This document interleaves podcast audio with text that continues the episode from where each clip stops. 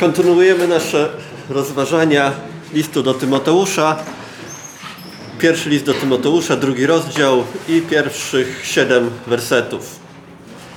Zachęcam Was przede wszystkim, aby zanoszone były prośby, modlitwy, wstawiennictwa i dziękczynienie za wszystkich ludzi, za królów i za wszystkich sprawujących władzę, abyśmy mogli prowadzić życie ciche i spokojne, z całą pobożnością i uczciwością. Jest to bowiem rzecz dobra i miła w oczach Boga, naszego Zbawiciela, który chce, aby wszyscy ludzie zostali zbawieni i doszli do poznania prawdy. Jeden bowiem jest Bóg, jeden ten też pośrednik pomiędzy Bogiem a ludźmi, człowiek Jezus Chrystus, który wydał samego siebie za okup za wszystkich na świadectwo we właściwym czasie.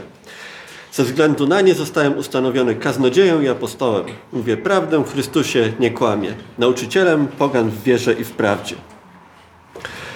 Cel listu, już było to mówione, ale warto podkreślić, to jest pierwszy list do Tymoteusza 3,15. Paweł mówi coś takiego, a gdybym się opóźniał, piszę, abyś wiedział, jak należy postępować w domu Bożym, który jest kościołem Boga żywego, filarem i podporą prawdy. Można się zastanowić, dlaczego Paweł takie rzeczy pisze. Czy w kościele nie było starszych, diakoni nie wiedzieli, jak postępować, albo wiedzieli i dali się zwieść? Musiał być problem jakiś. Ten kościół przypuszczalnie został założony dzięki Prysty i Akwili, dzieje apostolskie, 18 rozdział. I podczas trzeciej podróży misyjnej Paweł dotarł do Efezu. Dwa lata służył w tym, w tym zborze, to jest dzieje 19 rozdział. Tak, że wszyscy mieszkańcy Azji usłyszeli słowo Pana, zarówno Żydzi, jak i Grecy. Kościół miał bardzo dobre podstawy. Czystą naukę apostolską. W zasadzie od czasu odejścia Jezusa trudno było o lepszego nauczyciela. Ale jak widać, były problemy. I Paweł, jak wiemy, cierpiał. Cierpiał za głoszenie Ewangelii fizycznie, ale też pewnie jeszcze większy ból sprawiało mu widzieć, jak zbory są okłamywane, zwodzone, porzucają prawdę. I w 20 rozdziale w dziejach apostolskich możemy przeczytać, jak Paweł w drodze do Jerozolimy postanowił spotkać się ze starszymi z Efezu i powiedział im takie słowa: Uważajcie na siebie samych i na całe stado, w którym was Duch Święty ustanowił biskupami, abyście paśli słowo Boga, które, który On nabył własną krwią, aby paśli Kościół Boga, który On nabył własną krwią. Gdyż wiem, że po moim odejściu wejdą między was wilki drapieżne, które nie będą oszczędzać stada. Także spośród was samych powstaną ludzie mówiący rzeczy przewrotne, aby pociągnąć ze sobą uczniów. I widzimy, że po kilku latach w tym kościele pojawiły się problemy. Należało wyrzucić dwie osoby, przypuszczalnie starszych. To wiemy z listu do Tymoteusza. No i Paweł w liście do Tymoteusza mówi, jak ma funkcjonować Kościół. No i wiemy z historii, że szatan będzie zawsze atakował Kościół. Będzie podważał Słowo, Biblię, będzie się starał coś do niej dodać albo wyrzucić. Zawsze będzie podważał boskość Jezusa, wcielenie Jezusa, że był człowiekiem, Bogiem człowiekiem. Diabeł będzie podważał śmierć fizyczną człowieka, Jezusa Chrystusa i będzie podważał, że ofiara Jezusa jest wystarczająca do tego, abyśmy byli zbawieni. I Kościół w Efezie też możemy przeczytać o tym kościele w objawieniu świętego Jana. Jezus bardzo surowo pisze o tym kościele. Znam Twoje uczynki, Twoją pracę, Twoją cierpliwość. Wiem, że nie możesz już znieść złych i że poddajesz próbie tych, którzy nazywają się apostołami, a nimi nie są. Stwierdziłeś, że są kłamcami, wytrwałeś też i masz cierpliwość i pracowałeś dla mego imienia, a nie ustałeś. Ale mam nieco przeciw Tobie, że porzuciłeś pierwszą miłość. W sumie to są surowe słowa. Porzuciłeś pierwszą miłość. Dlaczego tak się stało? No, najwyraźniej do kościoła musieli trafić zwodziciele, heretycy. Musiała tam przyjść fałszywa nauka i, i kościół zaczął popadać w zwiedzenie. Dlatego też w tym liście ta myśl przewodnia to jest jak należy postępować w domu Bożym. Zwiedzenia były, są i będą. Jesteśmy w dużo lepszej sytuacji od kościoła w Efezie. Mamy całe Boże Słowo spisane. Jak nie chcemy wersji papierowej, mamy komórki, tablety, czytniki. Mamy słowniki, mamy komentarze. Nic nie stoi na przeszkodzie, żebyśmy poznawali Pana lepiej przez to Słowo, żebyśmy byli ugruntowani w wierze, Sami sobie pomogli w ten sposób, innym pomagali. Pamiętajmy o przypowieści Jezus, Jezusa o, o siewcy i o ziarnie. Tak. Mamy słowo, nic nie stoi na przeszkodzie, żebyśmy z niego nie korzystali. Pomimo tego fundamentu założonego przez Pawła, pojawiają się problemy, pojawiają się ci, którzy mówią, że wiara najwyraźniej w Jezusa jest niewystarczająca, trzeba przestrzegać prawa. To brat Andrzej mówił tydzień temu, po co jest prawo? No na pewno nie po to, żeby przez to prawo być zbawionym. No i fałszywe doktryny się pojawiają i drugi rozdział też najwyraźniej adresuje ten problem. I Paweł mówi, co jest najważniejsze dla tego Kościoła. Napominam tedy, aby przede wszystkim rzeczami czynione były prośby, modlitwy, dziękczynienia za wszystkich ludzi. To z Biblii Gdańskiej albo z Biblii Tysiąclatki tak zwanej.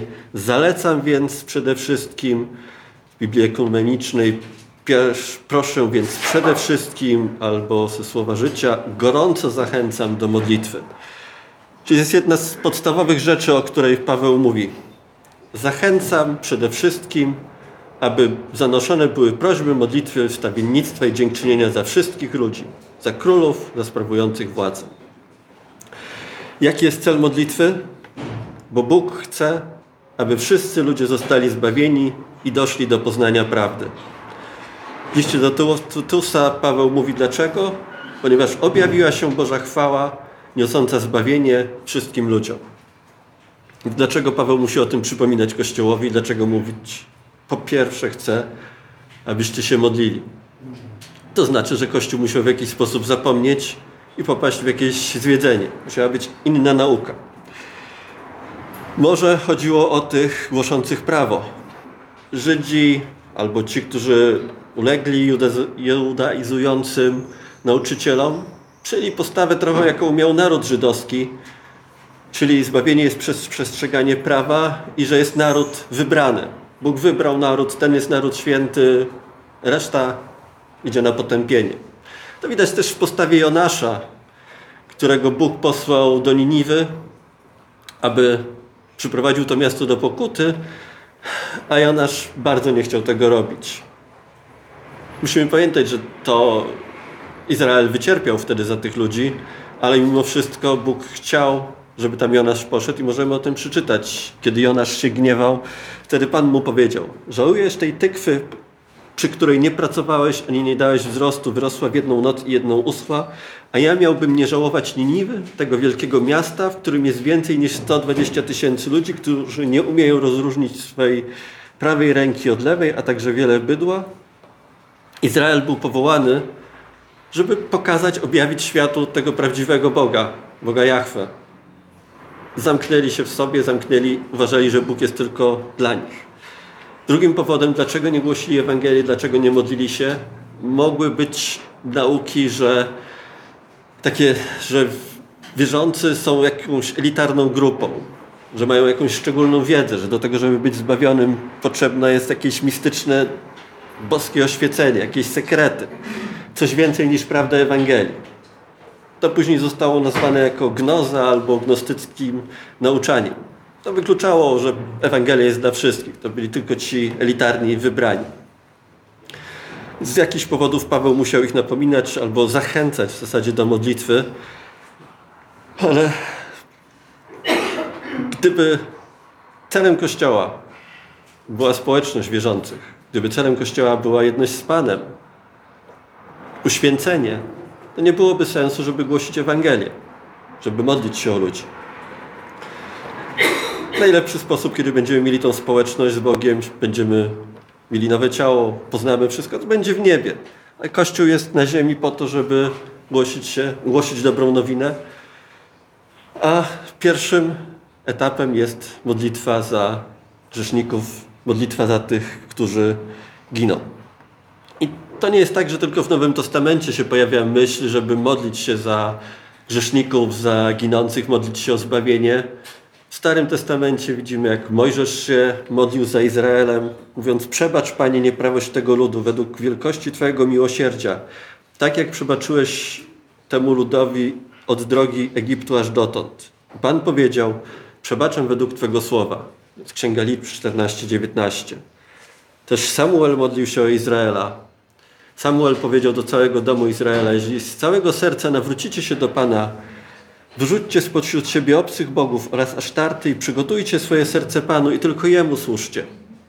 Wtedy wybawi was z rąk Filistynów. Synowie Izraela usunęli więc balów i asztarty i służyli Panu. Widzimy te modlitwy o zbawienie. Też Daniel się modlił w księdze Daniela 9 rozdział. Wysłuchaj więc, teraz więc wysłuchaj Boże nasz modlitwy Twego sługi i Jego błagań, a rozjaśnij swoje oblicze nad swoją spustoszoną świątynią ze względu na Pana. Nakłoń mm, Boże swego ucha i wysłuchaj. Otwórz swe oczy i zobacz. Wysłuchaj, przebacz i działaj, nie zwlekaj. Więc modlitwy o nawrócenie były znane w Starym Testamencie i widzimy też jak Szczepan, kiedy był kamionowany, modlił się Dzieje apostolskie 7:59. Tak kamienowali Szczepana, modlącego się tymi słowami: Panie Jezu, przyjmij mojego ducha, a upatrzy na kolana, zaniósł do nas, zawołał donośnym głosem: Panie, nie poczytaj im tego grzechu. A gdy to powiedział, zasnął. Wśród tych, którzy odpowiadali za śmierć Szczepana, którzy byli świadkami, był Saul, który się nawrócił, później był Paweł. Kto wie, czy właśnie modlitwa Szczepana nie przyczyniła się do tego, że, że Saul się nawrócił. Kto wie, jakby, było, jakby wyglądało życie Saula, gdyby nie ta modlitwa. Paweł też w liście do Rzymian w 9-10 rozdziale możemy przeczytać, jak modli się za Izraela. Tego Izraela, od którego tak wiele ucierpiał. Kiedy on głosił Ewangelię, Izrael zawsze się przeciwstawiał. Izraelici, Żydzi się zawsze przeciwstawiali. Doprowadzali do tego, że był kamienowany, wrzucali, wyrzucany ze zborów, a jednak Paweł się modli. Mówią prawdę w Chrystusie, nie kłamie, co mi poświadcza moje sumienie w Duchu Świętym, że odczuwam wielki smutek i nieustający ból w moim sercu. Pragnę bowiem bym być odłączonym od Chrystusa za moich braci, za moich krewnych według ciała, to są Izraelici, do których należy usunowienie, chwała przymierza, nadanie prawa, służba i obietnice. Bracia, pragnieniem mojego serca i modlitwą, którą zanoszę do Boga za, za Izraela, jest Jego zbawienie. Taka w zasadzie powinna być nasza postawa za niewierzących. Zachęcam więc wszystkich, aby zanoszone były prośby, modlitwy, wstawiennictwa i dziękczynienie za wszystkich ludzi. Cztery słowa, które są użyte, to są prawie synonimy modlitwy, ale Paweł chciał coś więcej przez to powiedzieć.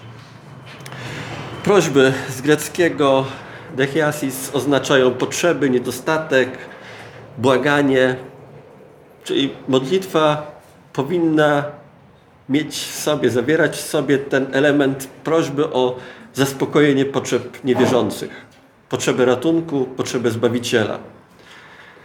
Modlitwa zawsze oznacza, czy w większości Biblii oznacza modlitwę skierowaną do Boga, z czcią, z chwałą do Boga.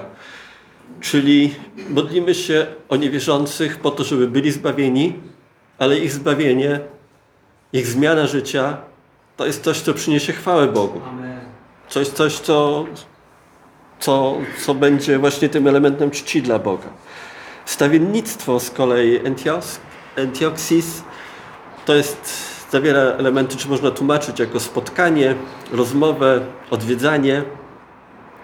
To oznacza zbliżenie się do tej osoby, o którą się modlimy, czyli takie utożsamianie się z jej potrzebą. Utożsamianie się z potrzebą nawrócenia, potrzebą znalezienia Zbawiciela. Takie osobiste połączenie. No i dziękczynienie, no to jest dziękczynienie za to, co Bóg może zrobić. Nie wiemy, czy Bóg doprowadzi tą osobę do zbawienia, czy nie, ale to jest dziękczynienie za to, co może się wydarzyć, ale też dziękczynienie za to, że my mamy prawo modlić się tą osobę. Bóg nam dał tą sposobność Jego poznania i w ten sposób też pokazujemy wdzięczność Bogu, że możemy uczestniczyć w tym dziele przekazywania informacji o Bogu, dziele głoszenia. Czyli nasza postawa w modlitwie to powinno być coś więcej niż tylko wymienienie tej listy osób, o których się modlimy, nazwisk, ale coś więcej. To zauważenie potrzeby ginącego człowieka, współczucia w jego połączeniu, związaniu się z jego potrzebą posiadania Zbawiciela, no i, i radość i chwała dla Boga, jeżeli On się nawróci. Oczekiwanie tej radości. Ale Paweł też nie mówi, nie zaczyna tego wersetu od słów rozkazuje wam, nakazuje wam, ale mówi te słowa zachęcam, napominam, gorąco zachęcam. Pokazuje, że on jest osobiście związany z takim sposobem modlenia się, że to jest coś w jego życiu, że pokazuje, że to jest właściwa droga, właściwa kolej rzeczy. Tak należy postępować nie postępuje, czy nie mówi jako król, jako dowódca, jak dyrektor, masz to zrobić. On, on, pokazuje też swoją postawą, swoim dziełem właśnie taki sposób życia. On był zawsze zaangażowany, w, w, osobiście za, zaangażowany w życie ludzi, którzy dzięki niemu się nawracali. Zwracam się więc, aby modlitwy były, modlitwy były zanoszone, by były prośby, modlitwy wstawiennictwa, dziękczynienie za wszystkich ludzi, za królów i za wszystkich sprawujących władzę, abyśmy mogli prowadzić życie ciche i spokojne, z całą pobożnością i uczciwością. Nasze modlitwy nie powinny dotyczyć tylko najbliższych, naszej rodziny, przyjaciół, współpracowników, ale wszystkich ludzi. Bóg chce, abyśmy się modlili o wszystkich ludzi. Jak jest dalej napisane w liście do Tymoteusza 2,4, który chce, aby wszyscy ludzie zostali zbawieni i doszli do poznania prawdy. A może się wydawać jakąś sprzecznością, że Bóg chce, żebyśmy byli, żeby wszyscy byli zbawieni. Sprzecznością w tym sensie, że taki jest mylny, błędny obraz Boga Starego Testamentu jakiego, jako takiego groźnego, zabijającego ludzi, a tutaj taki dobry Bóg. Nie, Bóg jest zawsze, był zawsze ten sam, jest taki sam, będzie taki sam. Możemy otworzyć księgę Ezechiela 33:11 gdzie widać serce Boga. Widać, że On zawsze chciał, aby grzesznicy do Niego przyszli. On zawsze chciał, żeby ludzie nawrócili się i pokutowali. Ezechiela 33:11. Powiedz im, jak żyje, mówi Pan, nie pragnę śmierci bezbożnego, ale aby bezbożny odwrócił się od swojej drogi i żył. Odwróćcie się, odwróćcie się od swoich złych dróg. Dlaczego macie umrzeć, domu Izraela? Bóg pragnie, aby wszyscy Go poznali. To nie jest dobry Jezus, zły Bóg Starego Testamentu. Bóg jest dobry, Bóg był dobry. W dziejach 17:30 możemy przeczytać, Bóg wprawdzie pomijał czasy tej nieświadomości, jednak teraz nakazuje wszędzie wszystkim ludziom pokutować. Ponieważ, jak to mówi Tymoteusz, liście do Tymoteusza, Paweł, objawiła się bowiem łaska Boga, niosąca zbawienie wszystkim ludziom. To zbawienie było najpierw kierowane do Żydów. Jak w dziejach możemy przeczytać, wy jesteście synami proroków i przymierza, które Bóg zawarł z naszymi ojcami, mówiąc do Abrahama, w Twoim potomstwie będą błogosławione wszystkie narody. Zbudziwszy swego Syna Jezusa, najpierw posłał Go do Was, aby Wam błogosławił w obróceniu się od każdego, błogosławił w odwróceniu się każdego z Was od swojej nieprawości. Ale potem łaska Boża, miłosierdzie dotarło do pogan i droga została otwarta dla wszystkich wprost i naszym obowiązkiem się jest modlić o zbawienie. Modlić się też o królów i sprawujących władzę. I w tym czasie, kiedy Paweł pisał ten list, cesarzem był Neron. Okrutny, bezbożny, absolutnie niemoralny cesarz, prześladujący chrześcijan, na obszarze Izraela sprawowali władzę Herod Agrypa II, Idumejczyk, czyli potomek Edomitów i Gesiusz Florius, prokurator Judei.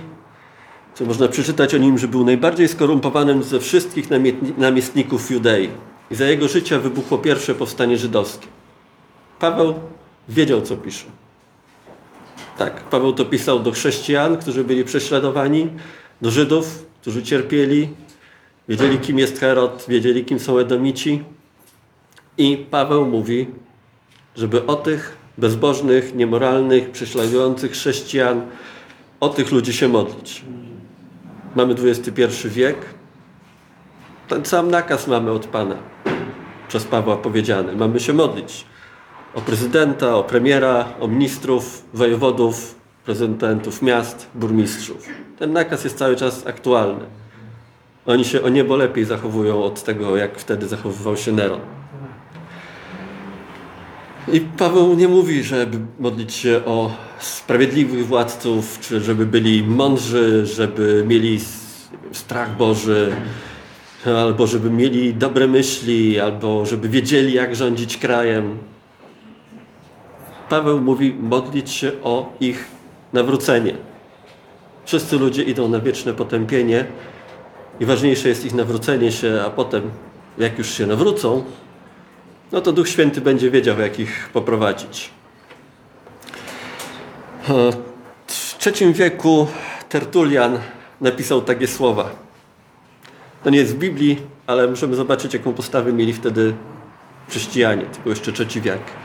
Nieustannie modlimy się za wszystkich naszych cesarzy. Modlimy się o przedłużenie życia, o bezpieczeństwo imperium, o ochronę domu cesarskiego, o dzielne armię, wierny senat, cnotliwy lud, świat w pokoju, cokolwiek jako człowiek lub cesarz by sobie życzył. O te rzeczy nie mogą prosić nikogo innego, jak tylko Boga.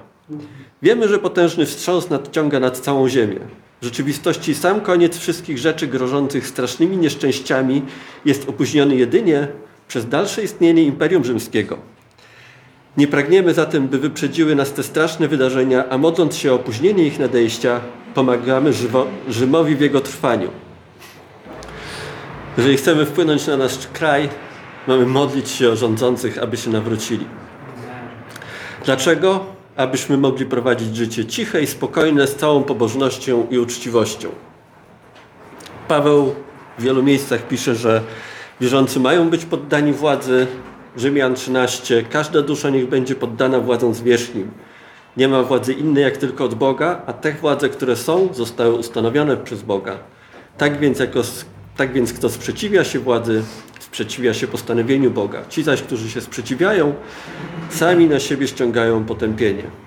Piotr podobnie mówi: Wszystkich szanujcie, braci miłujcie, Boga się bójcie, króla czcijcie. Wierzący nie mają się angażować w przewroty, w zmianę władzy, w budowanie się, ale modlić o zbawienie wszystkich, a zwłaszcza wierzących. Pamiętajmy, w jakich czasach to Paweł pisze. Wtedy cesarze rzymscy przyjmowali tytuł Soter, zbawca, jako że ratowali ludzi od niebezpieczeństwa. Taka była ich postawa. Ten tytuł przejęli z Greki, od Greków, gdzie zbawca to był przytomek bogów, Zeusa, Posejdona, Heraklesa oraz królów. W pewnym sensie to było prawda, ponieważ cesarz rzymski zapewniał pokój na terenie cesarstwa rzymskiego. Panował wtedy tak zwany Pax Romana, czyli w zasadzie od czasu jeszcze przed narodzeniem Chrystusa do 180 roku, z krótkimi wyjątkami, nie było rozruchów na terenie cesarstwa. Chrześcijaństwo mogło się swobodnie przemieszczać. Armia rzymska zapewniała ten pokój, zapewniała też pokój wewnętrzny. Czyli kiedy jest pokój, porządek w kraju, można głosić Ewangelię, można spotykać się bez przeszkód.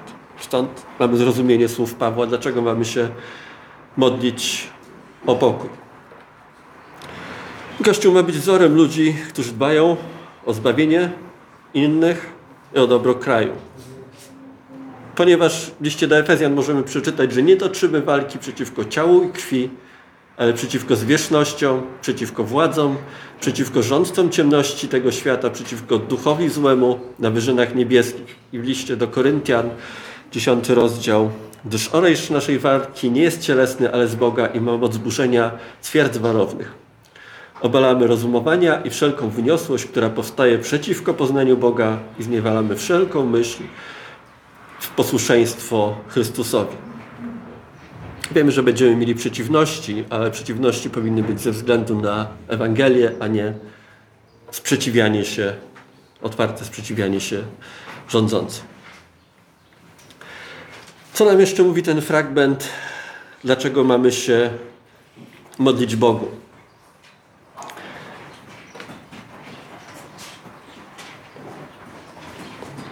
Często zastanawiamy się, co mamy robić, aby podobać się Bogu, co mamy robić w życiu.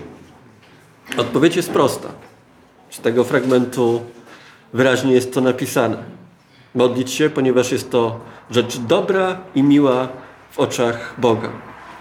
To jest dobre też moralnie, ponieważ kiedy nawraca się nie wiem, alkoholik, narkoman, człowiek, który robił złe rzeczy, On będzie dobrym człowiekiem, będzie stawał się dobrym człowiekiem. Nic nie dzieje się od razu. Więc to jest dobre nie tylko ze względu na to, że Bóg mówi, że to jest dobre, ale dobrze też tak społecznie, moralnie dobre. To jest nawrócony człowiek też powinien, albo jest błogosławieństwem dla ludzi wokół siebie. Jak mówi w liście do Koryntian Paweł, tak więc w miejsce Chrystusa sprawujemy poselstwo, tak aby Bóg upomniał, nas, upomniał was przez nas. W miejsce Chrystusa prosimy, pojednajcie się z Bogiem. On bowiem tego, który nie znał grzechu, za nas grzechem uczynił, abyśmy w Nim stali się sprawiedliwością Boga. Czy wszyscy przyjmą Jezusa? Czy wszyscy będą zbawieni? Nie wiemy. Dopóki nie spotkamy się z Bogiem, nie zrozumiemy, nie zrozumiemy tego, kto i dlaczego odrzucił łaskę, kto i dlaczego przyjął. W piśmie są słowa o wybraniu. List do Efezjan, pierwszy rozdział, czwarty rozdział, e, czwarty werset i piąty. Jak nas wybrał przed założeniem świata, abyśmy byli święci i nienaganni przed obliczem Jego w miłości, przeznaczył nas dla siebie ku usynowieniu przez Jezusa Chrystusa według upodobania swojej woli. W Biblii jest wiele słów o wybraniu, ale Jezus przed swoją śmiercią modlił się, mówiąc słowa, aby świat uwierzył, że Ty mnie posłałeś. Dwukrotnie w 17 rozdziale w Ewangelii Jana możemy przeczytać, kiedy Jezus mówi, aby świat uwierzył, aby świat poznał. Jezus modlił się o to, żeby ludzie poznali, nie mówi wybrani, ale mówi świat. Świat zobaczył, że On jest Zbawicielem. Czy jeżeli Jezus nie mówił takich słów, to my nie mamy się modlić o wszystkich? Bożym pragnieniem jest, aby wszyscy się odwrócili. Tak jak czytaliśmy w ten werset Ezechiela. Jako żyje, mówi Pan, nie pragnę śmierci bezbożnego, ale by bezbożny odwrócił się od swojej drogi i żył. Czy wszyscy odpowiedzą? Czy wszyscy się nawrócą? Nie, nie wszyscy. Ale wszyscy na pewno zasłużyli na śmierć jak możemy przeczytać w liście do Rzymian. Wszyscy zgrzeszyli i są pozbawieni chwały Boga. Dlatego mamy się modlić o wszystkich, a nie wiemy, których serca Bóg poruszy, którzy przyjdą do Boga. Bóg wie, którzy do Niego przyjdą. W drugim liście do Tymoteusza znowu padają te słowa. Zna Pan tych, którzy należą do Niego. Naszą modlitwą jest modlitwa, naszą, naszym przykazaniem, zachętą, celem jest modlitwa o wszystkich jest to rzecz szlachetna i przyjemna przed Bogiem, albo jest to wspaniałe i miłe Bogu. Tylko Bóg wie, kto będzie zbawiony. Wszyscy mają przyjść do Boga, wszyscy powinni być zbawieni. I w księdze Izajasza 45 możemy takie słowa przeczytać: Oznajmijcie i przy, przyjdźcie, oznajmijcie i przyprowadźcie ich Niech naradzą się razem. Kto to od dawna przepowiadał? Kto od tego czasu to ogłaszał? Czy nie ja Pan? Nie ma żadnego innego Boga oprócz mnie. Nie ma Boga sprawiedliwego, ani innego Zbawiciela oprócz mnie. Spójrzcie na mnie, abyście byli zbawieni. Spójrzcie krańce ziemi, gdyż ja jestem Bogiem i nie ma żadnego innego.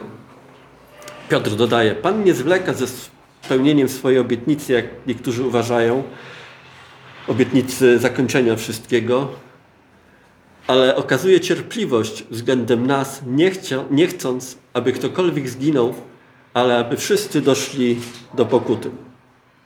Jak to pogodzić z wybraniem? Dowiemy się kiedyś, jak będziemy w niebie. To nasz umysł tego nie ogarnia. Jesteśmy tylko na obraz i podobieństwo Boga stworzeni. Fragmenty boskiej natury mamy, nie jesteśmy małymi bogami. Paweł mówi coś takiego, głębokości bogactwa, mądrości, jak i poznania Boga. Jak niezbadane są Jego wyroki i nie docieczone Jego drogi. Któż bowiem poznał myśl Pana, albo kto był Jego doradcą, lub kto pierwszy Mu coś dał, albo aby dostać odpłatę. Z Niego bowiem, przez Niego i w Nim jest wszystko. Jemu chwała na wieki. Amen. Ale Bóg chce, aby wszyscy doszli do poznania prawdy. Dobrze, jeżeli Bóg chce, to nie znaczy, że bola Boża się ma wypełnić. Chce, no to powinno tak się wydaje, że jeżeli Bóg chce, to powinno tak się stać.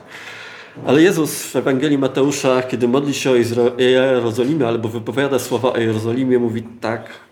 Jeruzalem, Jeruzalem, który zabijasz proroków i kamieniujesz tych, którzy są do Ciebie posłani. Ile razy pragnąłem zgromadzić Twoje dzieci, jak kokoszka gromadzi swe kurczęta pod skrzydłami, a nie chcieliście. Jezus pragnął, chciał, aby Jerozolima się nawróciła. Garstka ludzi się nawróciła. Może nie garstka, tysiące później już po zmartwychwstaniu, ale co to było w, przy tym wielkim mieście? Set tysięcy, setki tysięcy ludzi. Tutaj jest używane takie słowo z greckiego telo, to oznacza wolę, pragnienie, które niekoniecznie musi się wypełnić, tak? Chce coś. Bóg często używa w Biblii słów takich, żebyśmy my, ludzie w swoim ograniczonym umyśle zrozumieli. Biblia jest tak skrojona, żebyśmy byli w stanie coś z tego zrozumieć i Bóg uniża się do tego i używa naszego języka. Ale to słowo to oznacza pragnienie, które tak jak w przypadku tej modlitwy Jezusa, słów Jezusa, niekoniecznie musiało się spełnić.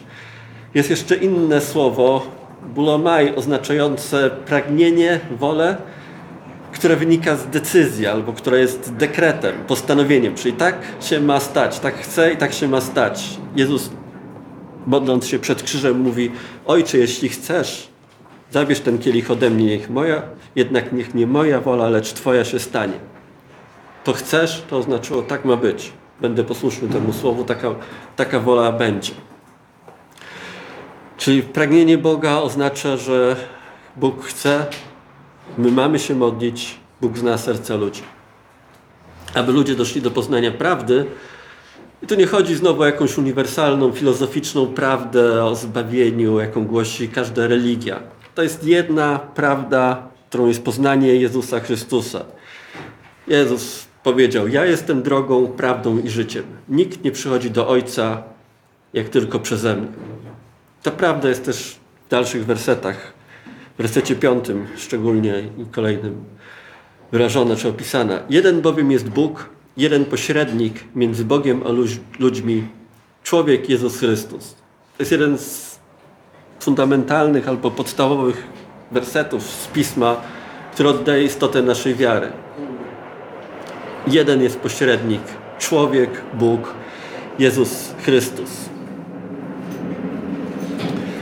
Że Bóg jest jeden, cała Biblia mówi. W Starym Testamencie Bóg mówi, że jest jeden, nie było nikogo przed Nim. Nie będzie żadnego innego Boga. I to, że jest jedna droga, o której Paweł tu pisze, to jest sprzeczne z ekumenicznym podejściem, że jest wiele bogów, wiele dróg, jak można poznać Boga, wiele sposobów, jak można pojednać się z Bogiem. Gdyby było wiele dróg, wielu bogów, jakaś uniwersalna prawda, to nie byłoby konieczności modlitwy o niezbawionych. Nie byłoby potrzeby ewangelizacji jakby to miało sens, jeżeli, jeżeli każdy idąc swoją drogą za swoim Bogiem jest zbawiony. Jeden jest Bóg, jeden pośrednik i naszym obowiązkiem jest modlitwa, aby wszyscy poznali tą drogę. Jak powiedział apostoł Piotr w dziejach apostolskich, i nie ma w nikim innym zbawienia. Nie ma bowiem pod niebem żadnego innego imienia danego ludziom, przez które mogliby być zbawieni.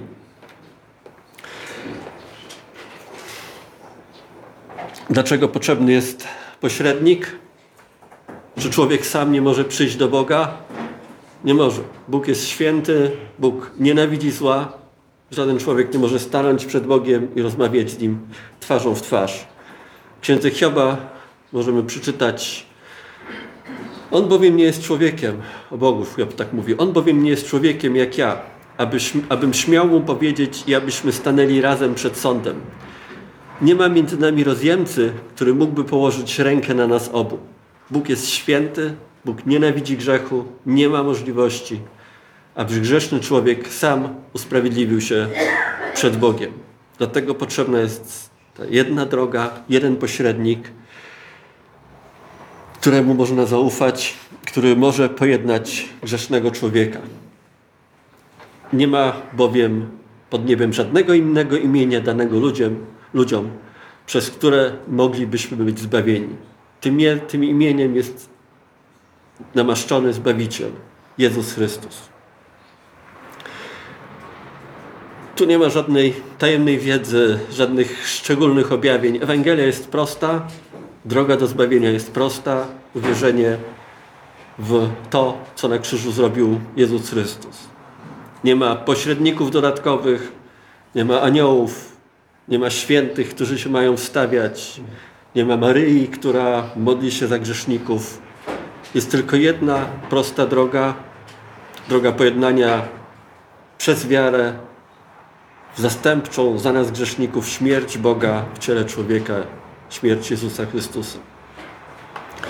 Tak jak w liście Hebrajczyków do Hebrajczyków jest napisane i dlatego Jezus, Zbawiciel Chrystus jest pośrednikiem Nowego Testamentu, abyśmy przez śmierć poniesioną dla odkupienia występków popełnionych za pierwszego testamentu ci, którzy zostali powołani, otrzymali obietnicę wiecznego dziedzictwa. Jezus sam siebie wydał za okup za wszystkich na świadectwo we właściwym czasie.